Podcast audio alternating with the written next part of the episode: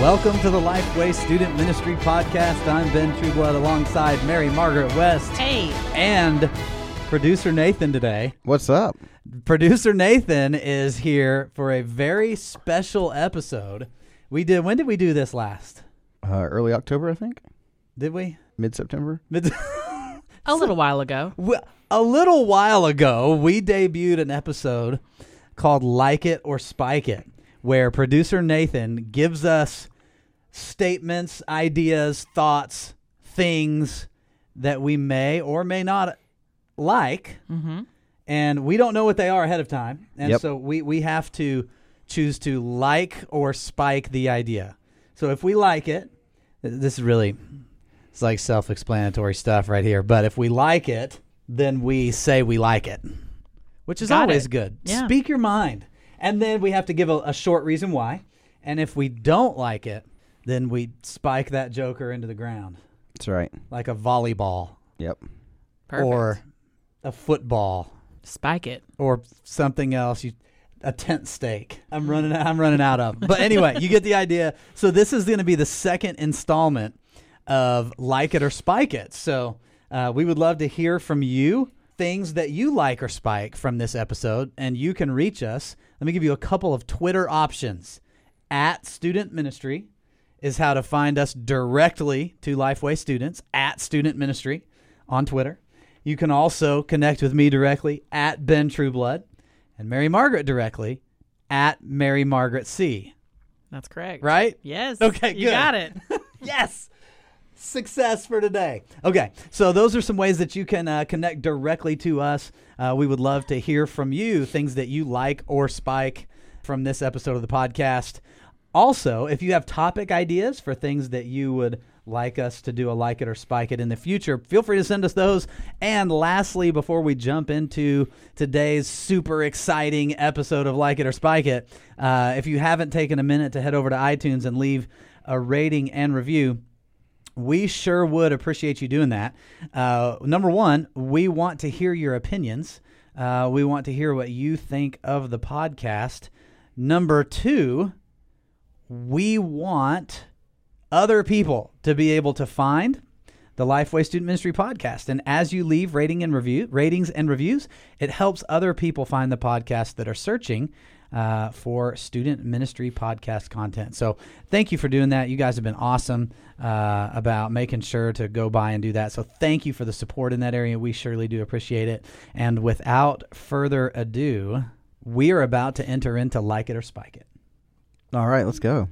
Let's dive in. Producer Nathan's ready. That's right. Here's what I love. So I loved this. You, you told me you were out at one of our events recently, Mm-hmm. and uh, somebody was talking about the podcast, and you said your name, and they were like, "Wait, you're producer Nathan," Yep. and they were like super stoked. they about were. it. They were stoked. So I love that. So anytime we're out at a at a conference or something, feel free to come say hello. All right. I'll, a- anyway, back to like it or spike it. Producer Nathan, take it away. All right. First on the list, like it or spike it, eggnog. Ugh. All right. So now is this like eggnog or is it like spike eggnog like with alcohol? Yeah, I, I think we have a we should have a general we'll never spike any drink policy. So Okay. this is a So this is Eggnog non in not general. spike the Yep, yep. eggnog. This is like or spike eggnog. Eggnog. Yeah. Mary Margaret, why don't you take why don't you take first shot at this one? I had a visceral reaction to this when and I had I had a funny feeling it might be on the list. Um, but honestly, I just don't like it. I don't like the smell of it. I don't like the taste of it. And I I am however a fan of boiled custard, which is like a close cousin. So what's the difference? Like boiled custard I eggnog. think it's the spices. It's like the nutmeg, the cinnamon, like stuff like that. Sometimes it's just it's a lot. And so it's not a texture thing no, it's because not a they're texture similar thing. textures, yes. right? It's just the smell and the taste of it. I Yeah. just cannot can't do it. Spike it. I uh, I like it. I'm gonna like this one. I am such a huge fan of eggnog. Uh, I get so excited when it comes back into the grocery stores. I buy it the first time I see it, and I keep it in the refrigerator throughout the Christmas season. I'm like the only person in my family that likes it though, so that presents a challenge because if you drink a lot of eggnog, it's not good for you, and No. you'll you will blow up. So you, you have to watch. There's you a have lot to, of sugar, eggs. uh, yeah, it's that. like I don't know what all's in it to be Whole honest milk, with you. yeah. I, I guessed eggs, but it you you will gain the weight if you drink a bunch of eggnog. So uh, you have to be careful of that. But otherwise, also as a student ministry rule in general, eggnog is not a good idea to use for a Christmas themed gallon challenge type Mm. Is of this game. the voice of experience saying this? no. Okay, just checking. Thankfully, I stayed away from that temptation. Yeah. Uh, but I, I like the eggnog. It's good. Yeah. Number two, What about you? I can't stand it. Okay. Yeah. Thank you. you're, you're welcome. Number two, we'll go with the singing Christmas tree. The singing Christmas tree. So this is something that I actually am gonna like a lot. So I have w- the church I grew up in, at junior high, high school, stu- like we had living Christmas tree. Uh, we call it living Christmas tree. We had that through throughout those years, and I remember like being a part of the program for it and helping with it and. After it was over, like climbing up in the tree and helping take down. For those of you that don't know what this is, it's like, I don't know what, like a five story tree. Yeah. It's like 50 feet tall, Uh-huh, right? 40 something like feet that. tall. Anyway, it's a big tree that like your choir stands inside of and does the Christmas program. Anyway, uh, so I have a ton of like really great memories of helping out and being part of the program and being up several nights in a row at the church with my friends. And so it's nostalgic for me. It's hanging out with friends for me, not necessarily the uh, program value as like a Christmas outreach event. But I, yeah, I like it. Yeah, I'm. I also like it. That's I grew up with it. Um, my church in Orlando not only had one but two side by side uh, singing Christmas trees, and and it just was one of those things that was just always a part of my life. And because I, my school was at the church, we were involved in kind of like helping put the garland on the trees, and you know helping with some of the pieces of it. And like when I was in kids choir and stuff like that, like we used to sing. I remember in sixth grade I had a speaking part, and I thought that I had like shot a Yes. bear and so um, you know just stuff like that it's very i like the music too like i'm a fan of christmas music of like choral christmas music if i'm gonna be a nerd in a mo- you know in this moment but like i just like there's something about it i just absolutely love so Yeah. I never had a speaking part, but I did dress up as a Charles Dickens type character and acted like I was ringing a holiday bell. nice What are those called? Handbells. handbells yeah and i remember i wore in, when i was in it in the sixth grade i wore stirrup pants because they were cool at the time i think they've made a comeback but like mid-90s were a great I time for the remember stirrup those pants so All right. What, what's number three? All right, number three is like or spike. Christmas music should only be started playing after Thanksgiving. okay oh man This is a tough one. like it. I you know, and I had a friend post on Facebook recently saying like, "Oh, well why shouldn't we take more time to celebrate the Savior's birth?" I get that. But also like, let's get things in order. Like Thanksgiving has to happen first.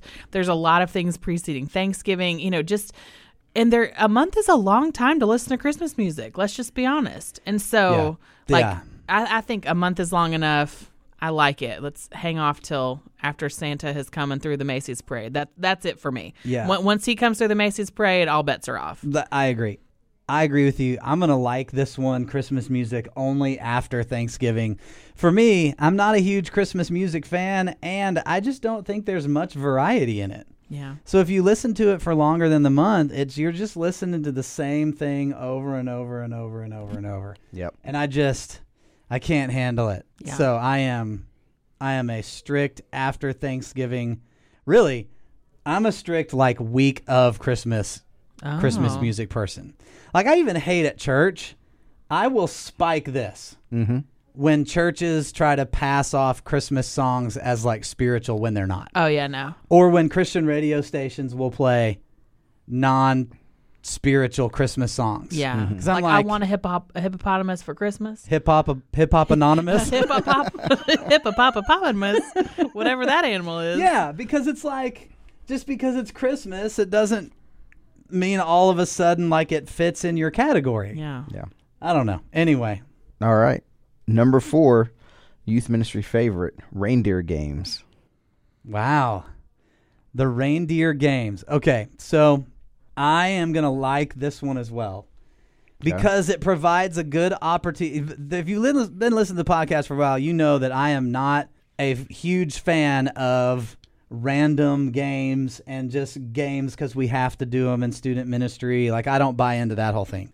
But this does give you an opportunity to have a great, fun night where you focus in and do some of these games silly, messy, whatever. Uh, it, it gives you a night to be able to do that and inject some fun game kind of stuff in a strategic, meaningful way into student ministry. So for that reason, I will I will like that. If I had a perplexed look, it's because I don't know that I've ever heard it called a reindeer game before. So I may have just missed that in life. reindeer games.